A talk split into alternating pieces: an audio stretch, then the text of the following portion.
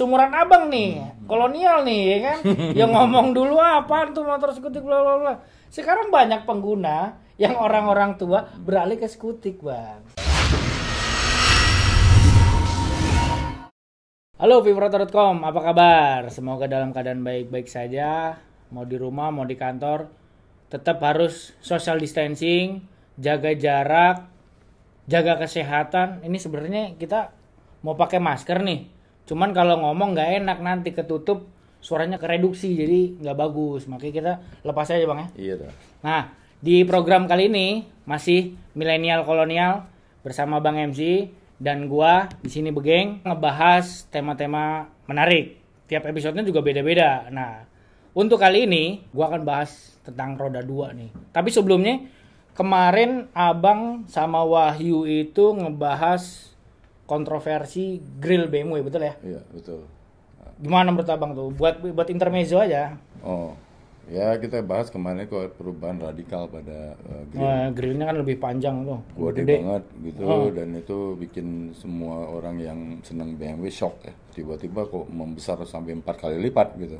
Kita bahas isu-isu yang terkini lah. Nah, dunia otomotif. Mumpung ada Bang MC yang sudah berpengalaman, makanya Bang MC mewakili kaum kolonial dan gue di sini mewakili kaum milenial. Nah, ini- kali ini gue bakal ngebahas tentang roda dua. Jadi kita versus nih bang.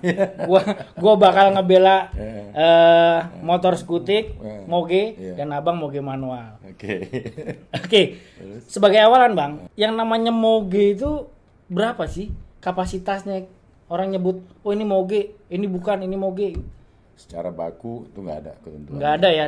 Jadi misalnya undang-undang lah dan sebagainya tidak Hitam di atas putih juga nggak ada hitungannya. Saya belum pernah ketemu gitu ya. Oke. Nah, tapi eh, ada semacam konsensus kesepakatan umum Oke. ya di seluruh dunia bahwa eh, motor besar itu eh, bukan hanya dilihat dari eh, bentuknya Bentuk, yang dimensi, besar, ya. dimensinya, tapi juga tenaganya Hmm. lebih besar dari rata-rata motor biasa, motor kecil ya, Oke. maksudnya motor yang dipakai harian gitu. Ya. Definisinya jadi berbeda-beda di setiap negara. Di Amerika misalnya, kalau motor di bawah eh, 125 150 cc, Hmm. hitungannya moped. Skutik skutik entry level tuh kalau di sini tuh bang. Ah, ah, Oke. itu moped gitu. Kalau di Inggris kan 50 cc ke bawah itu. Itu untuk belajar. 50 cc ke bawah. Ya, jadi eh, orang di Inggris misalnya mau apply SIM Oke. Untuk motor. Hmm. Dia itu harus umur minimum 17 tahun. Oke. Dia belajar naik yang 50 cc. Lim- 17 tahun 50 Yes, cc. Di 50 sini anak cc. SD aja udah udah pakai dua setengah. Ah, Oke. nah, selama 2 tahun dia plat nomornya tuh ditempel L. Apa Learner. Oh, belajar. gitu. Nah, setelah lulus Iya, baru iya, boleh dia apply lagi teori ya, lulus ujian teori dia naik ke 125 cc.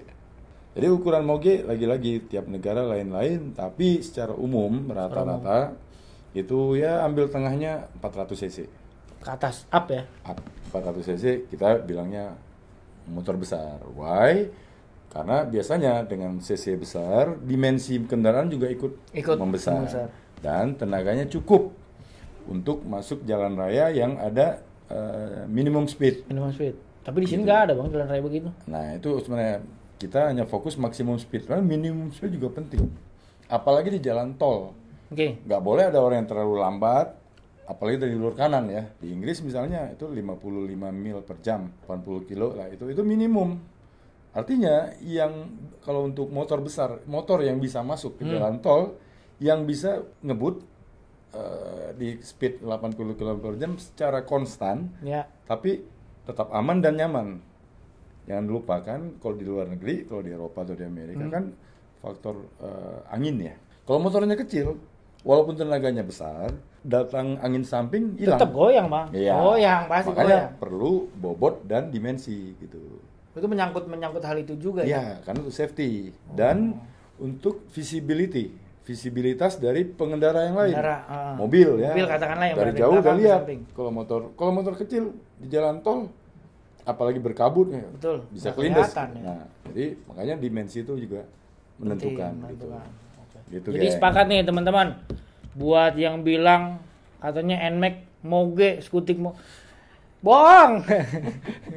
yang namanya moge itu tadi udah Bang Oleh jelasin itu 400 cc ke atas. Gak usah sombong yang make-make dua setengah dua setengah dibilang moge jangan sombong. Ya enggak lah, lu kan seneng ya.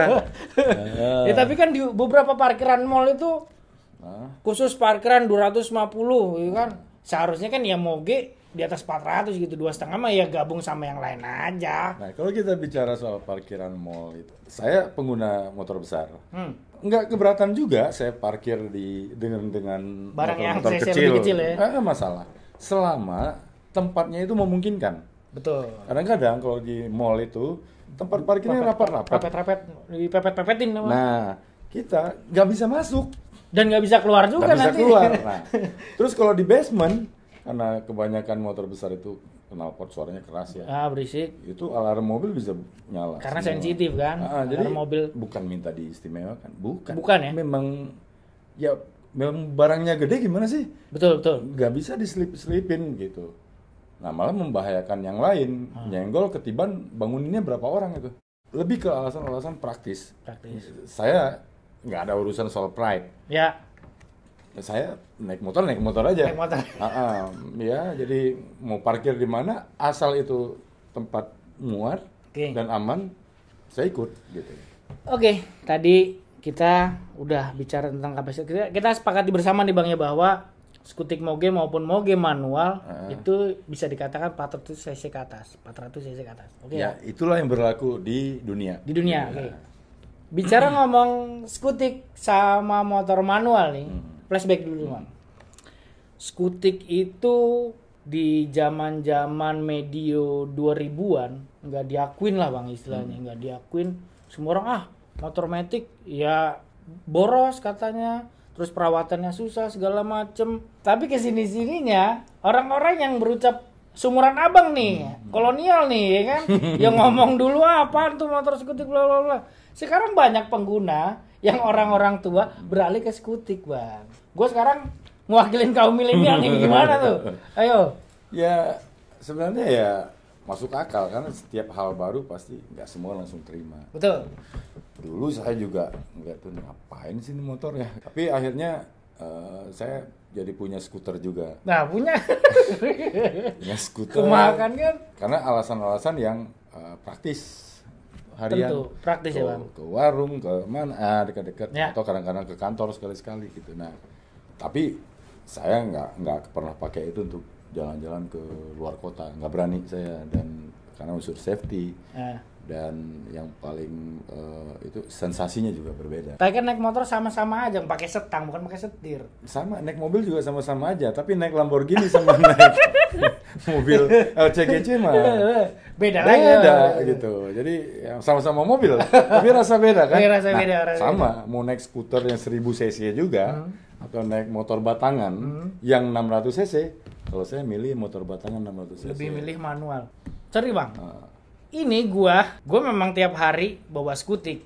Karena ya gue juga sebelum sebelumnya memang gue pakai manual tapi gua ngikutin perkembangan. Menurut gua nggak nggak nggak ada masalah sih bang yang lu bilang eh, lebih enak manual segala macem. Intinya kan kita kalau perjalanan jauh nikmatin perjalanan bang. Betul. Cuman gini, kalau dalam kota oke. ya tentu pakai motor gede dengan eh, transmisi manual itu melelahkan. Macet. Betul, ya, macet. mesin panas, kopling berat, motornya juga udah berat. motornya berat Bentar bentar turun kaki. Hmm. Temu tiap lampu lampu merah crowded kan gitu. Ya. Nah, pasti lebih praktis metik. Gitu loh. Cuman Oke. kalau keluar kota misalnya kita ke Bali, Solo, Jogja atau Medan gitu. Kalau saya saya tetap pilih motor gede yang eh, manual. Tadi abang bilang praktis, oke. Abang pilih manual. Kalau gue lebih pilih skutik. Itu tadi abang bilang praktis. Gue punya ruang bagasi gue lebih besar ketimbang abang pakai motor manual harus beli beli box lah. Kalau mau keluar kota naik motor bebek 100 cc juga bisa. Hah? Eh, Gitu, nggak besul nggak mesti motor gede ya. Ya. Nah, tapi lagi-lagi ini soal sensasi. Terus kenyamanannya pasti beda. eh, nyaman nyaman metik lah orang tinggal gas. Iya tinggal gas, tapi ketemu jalan gerinjulan gimana? Ban metik kan kecil-kecil. Hah? Lu ketemu polisi tidur. Belum lagi ngomong engine brake. Kalau motor manual kita bisa late braking. Hmm. Ya, saya Betul. selalu touring pakai motor adventure yang eh, 800 cc. Gak usah sebut. Sebut merek. ya. Itu saya bi- bisa bisa nyaman sekali. Saya bisa nikung dengan smooth. Saya bisa atur speed saya. Dan saya segala medan. Oke. Ya, mau Oke. jalan rusak, aspal beton, aspal mulus, aspal keriting, batu-batu gua lewat. Nah, lu ntar kalau ketemu misalnya main ke Wonosobo ya, tahu-tahu masuk hutan ini ketemu batu-batu lu nangis deh naik skutik. Didorong lah. Nah, itu dia. Belum lagi soal safety. Oke. safety. Motor skuter kan plastik semua, Oke. gitu. Bobot enteng. Lagi lagi. Ya, Kalau ketemu lubang atau gampang terpental kan. Kalau gue pakai skutik moge, yang katakanlah gue pakai yang Emang 500 seberat-beratnya Mogi berapa skutik? Ya 250 kilo. Mana plastik semua nggak nyampe. Justru skuter Matic yang Moge itu dibikin dari plastik semua untuk ngejar efisiensi. Nah, Oke. Ya, Efisiensi. efisiensi. Skuter Matic Moge yang gede ya. Yang gede kita ngomong gede. Itu menurut saya itu sebenarnya dibikin untuk komuter, bukan untuk rekreasional. Kalau di Eropa atau di Amerika, tapi Amerika jarang orang pakai skuter. Ah, Terutama yang paling populer di Eropa. Di Eropa. Jadi kayak di sini misalnya lu rumah tinggal di Depok Oke. atau di Bogor. Orang biasa setiap hari 50 kilo dari rumah ke kantor, pulang Mhm. pergi 100 kilo. Mhm. Di Eropa jalan mulus. Ya. Dan untuk ukuran tertentu kayak skutik tadi, eh, skuter Ah. tadi 400 cc lu boleh masuk highway. Motorway ya. Oke. Nah, jalannya mulus. Trafiknya lancar. Iya. ya itu enak naik skuter Eh, ya kayak naik, naik mobil Iya. Matic gitu ya. Nah tapi di Indonesia, gue kadang-kadang suka kasihan tuh kalau di lampu merah ngeliat ada motor motor apa eh, motor eh, ya sebut nama lah gitu ya, Eh, apa 250 cc yang pantatnya tinggi gede gitu. X-Max, X-Max. Iya itulah Eh, eh, pokoknya. lampunya gini. Ah. Gua ngelihat mereka, buset ini kalau di lampu merah dia udah sibuk sendiri, pusing gitu. ya, kegedean body, nggak cocok gitu. Belum lagi di parkiran. Saya pernah sekali waktu ketemu si, si sebuah mall, eh, saya naik Vespa. Hmm. Eh sebut namanya, Eh, apa apa lah ya. Apa-apa lah. Saya naik naik naik skuter lah. Ah. Nah, ya, Kan beli nggak minjem. Iya. Oh. Nah, saya gampang aja gitu. Eh. Dia dengan skuter besarnya itu, stangnya kejepit, bodinya kejepit, akhirnya nggak bisa keluar. Di dalam udah.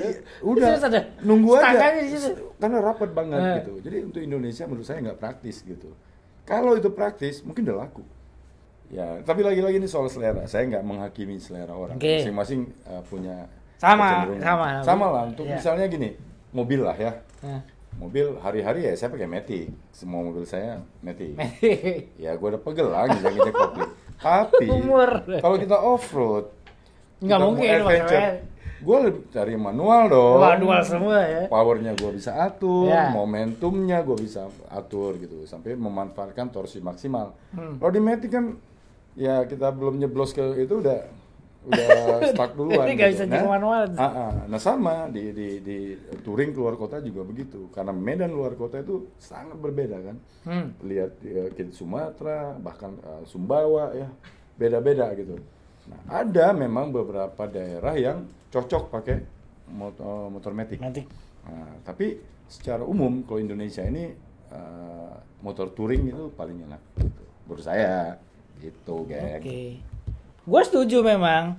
Cuman kalau gue pikir lagi ya, kalau gue Ya, pribadi, nah. gue gue tetap lebih milih Matic karena kepraktisan tadi gue nggak ribet-ribet beli aksesoris. Segala sering lihat tuh kalau ke daerah-daerah yang banyak gininya tuh Tikungan-tikungan ya. bablas tuh mereka karena nggak ada engine brake-nya gitu. Ah kalau itu Jadi- skill skill pengendaraannya Iya, bang, kan. skill pengendaraannya itu. Itu ya gitu deh begitu dia kebanyakan ngerem pas turunan ya. Begitu rem dibutuhkan nggak kerja. Bingung Ya, mau ke mana kan. Nah, ya, sering-sering begitu. Yang eh, ada yang eh, berapa itu? Pernah saya touring bareng sama teman yang 500 cc ya? Hmm. Nah, Iya, 500 cc. ada merek 560 Jepang lah ya, ya, 560. Ah, ah, gitu. Di trek lurus ya bisa bisa ngimbangin Dia bisa ngimbangin.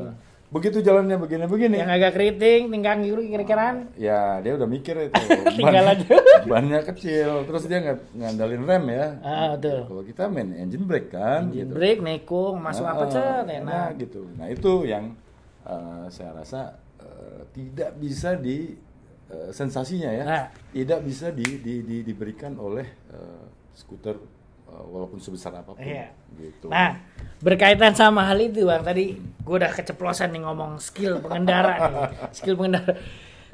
Jadi teman-teman yang biasa pakai manual, terus tiba-tiba pindah ke matic ataupun sebaliknya, kadang banyak yang yang hmm, apa ya istilahnya ya udahlah sama-sama naik motor gitu kan.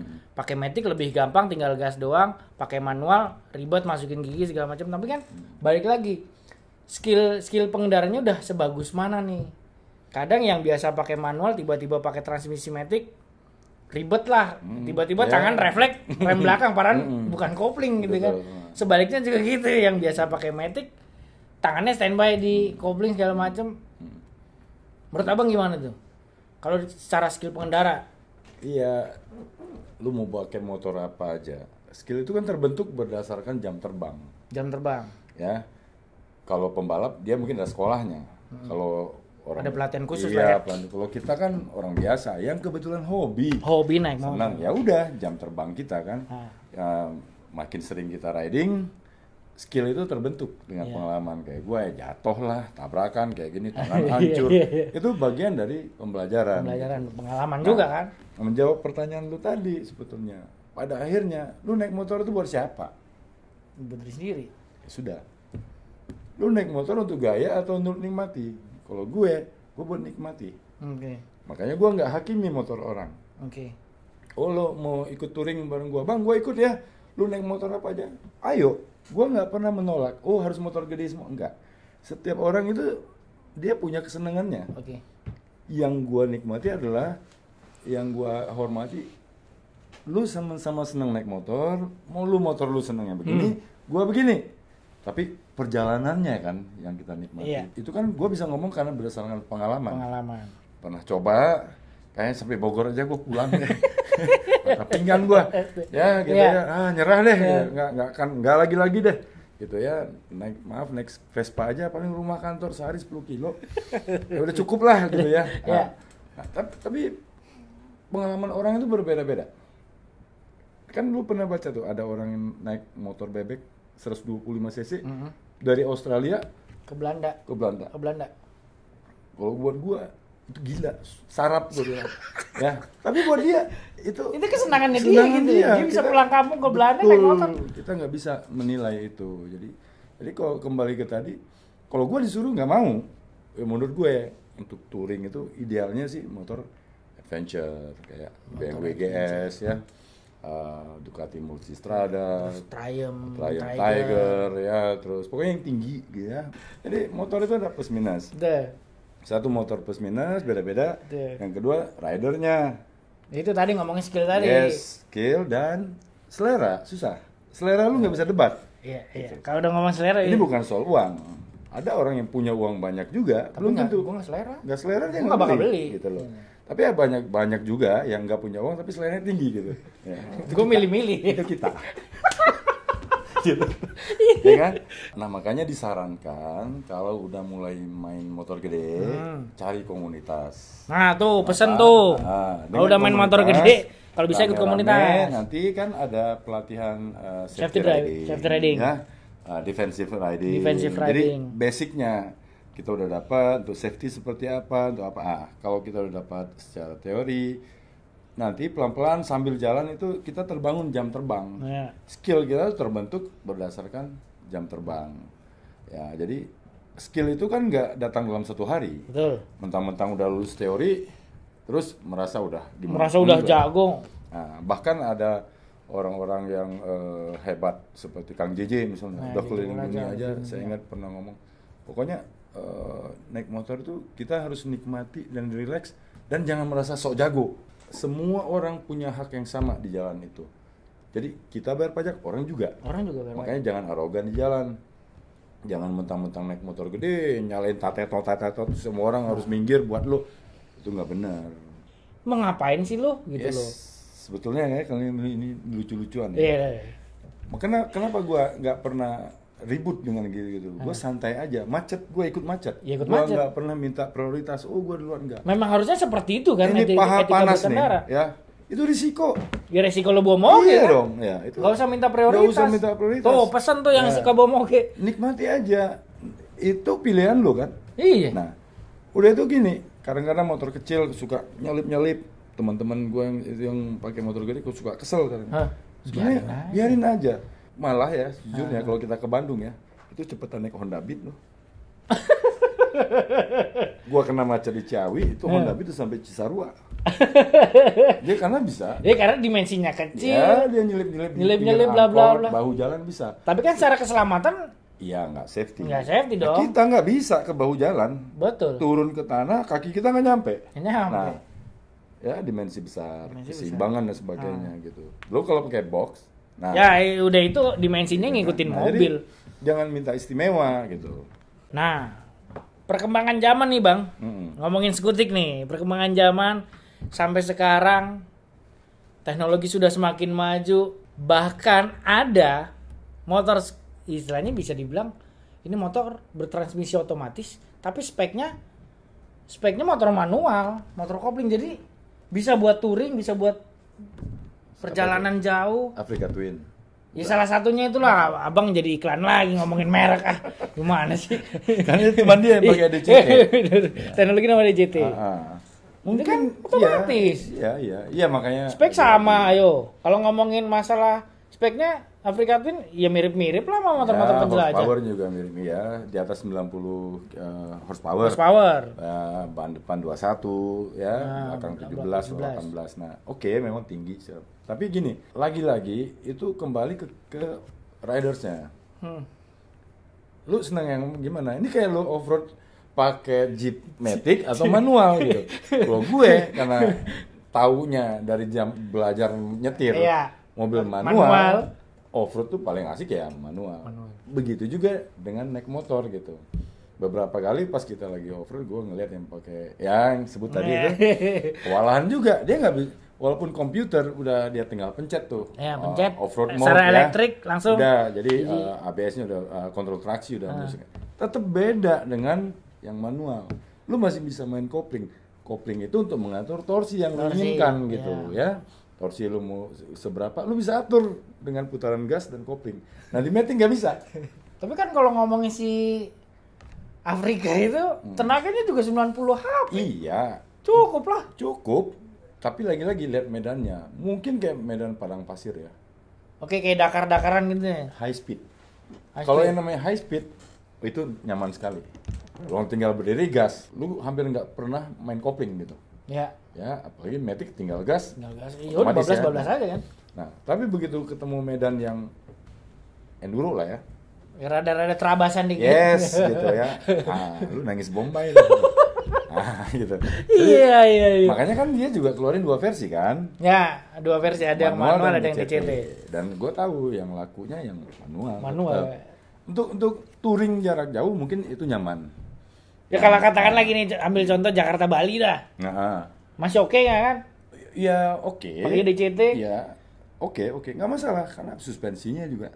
Oh, enak. suspensi juga Ya. Nah itu yang tidak dimiliki oleh motor Matic.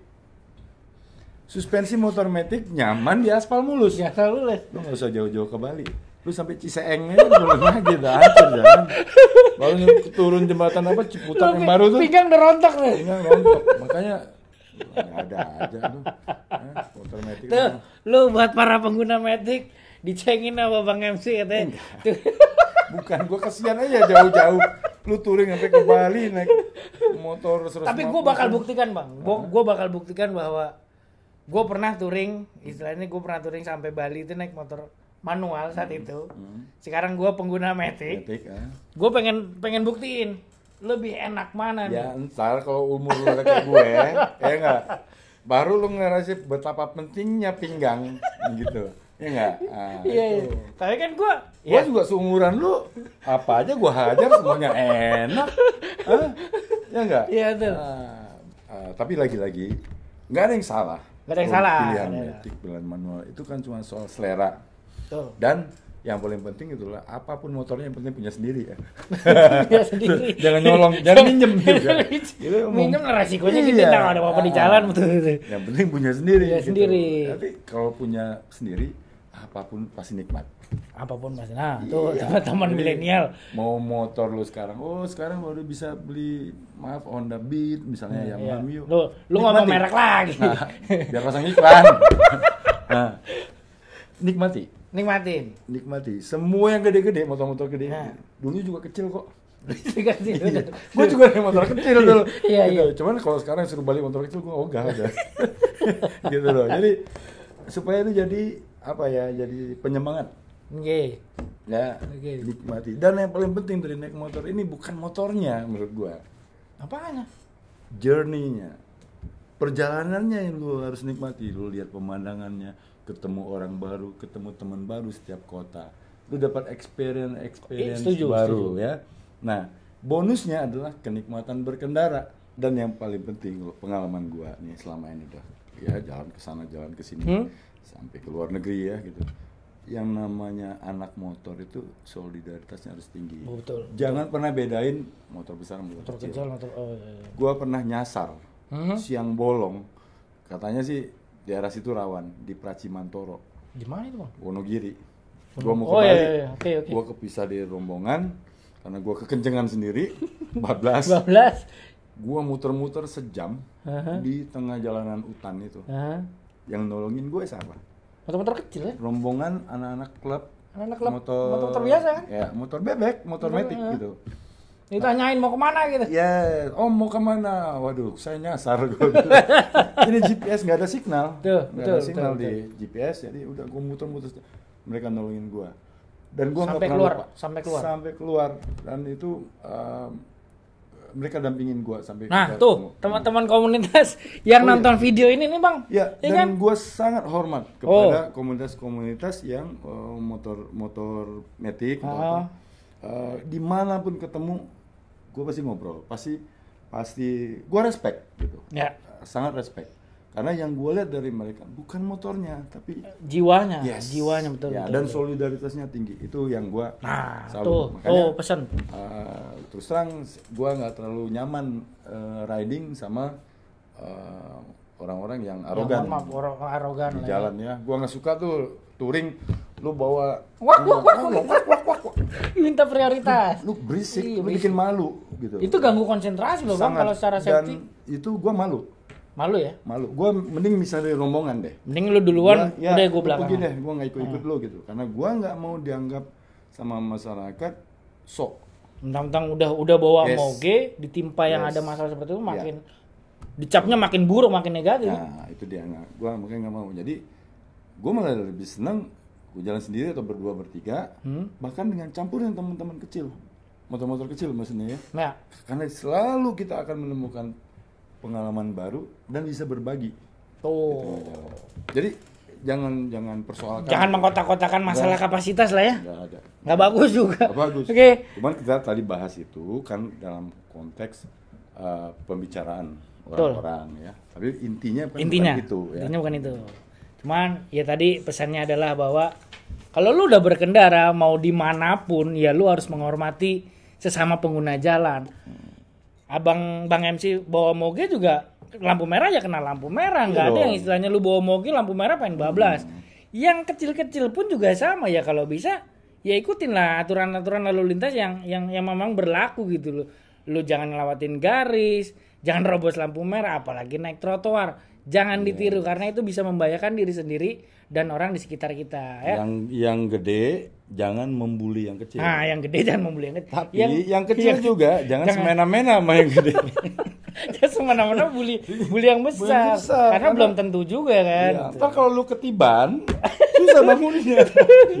itu tadi itu tadi di program kita kolonial versus milenial ya ditonton terus jangan lupa di komen like subscribe di ada tombol loncengnya diklik tonton terus video-video menarik di YouTube official Loto sampai ketemu di tema selanjutnya kolonial versus milenial dadah Hidup kolonial. Hidup milenial.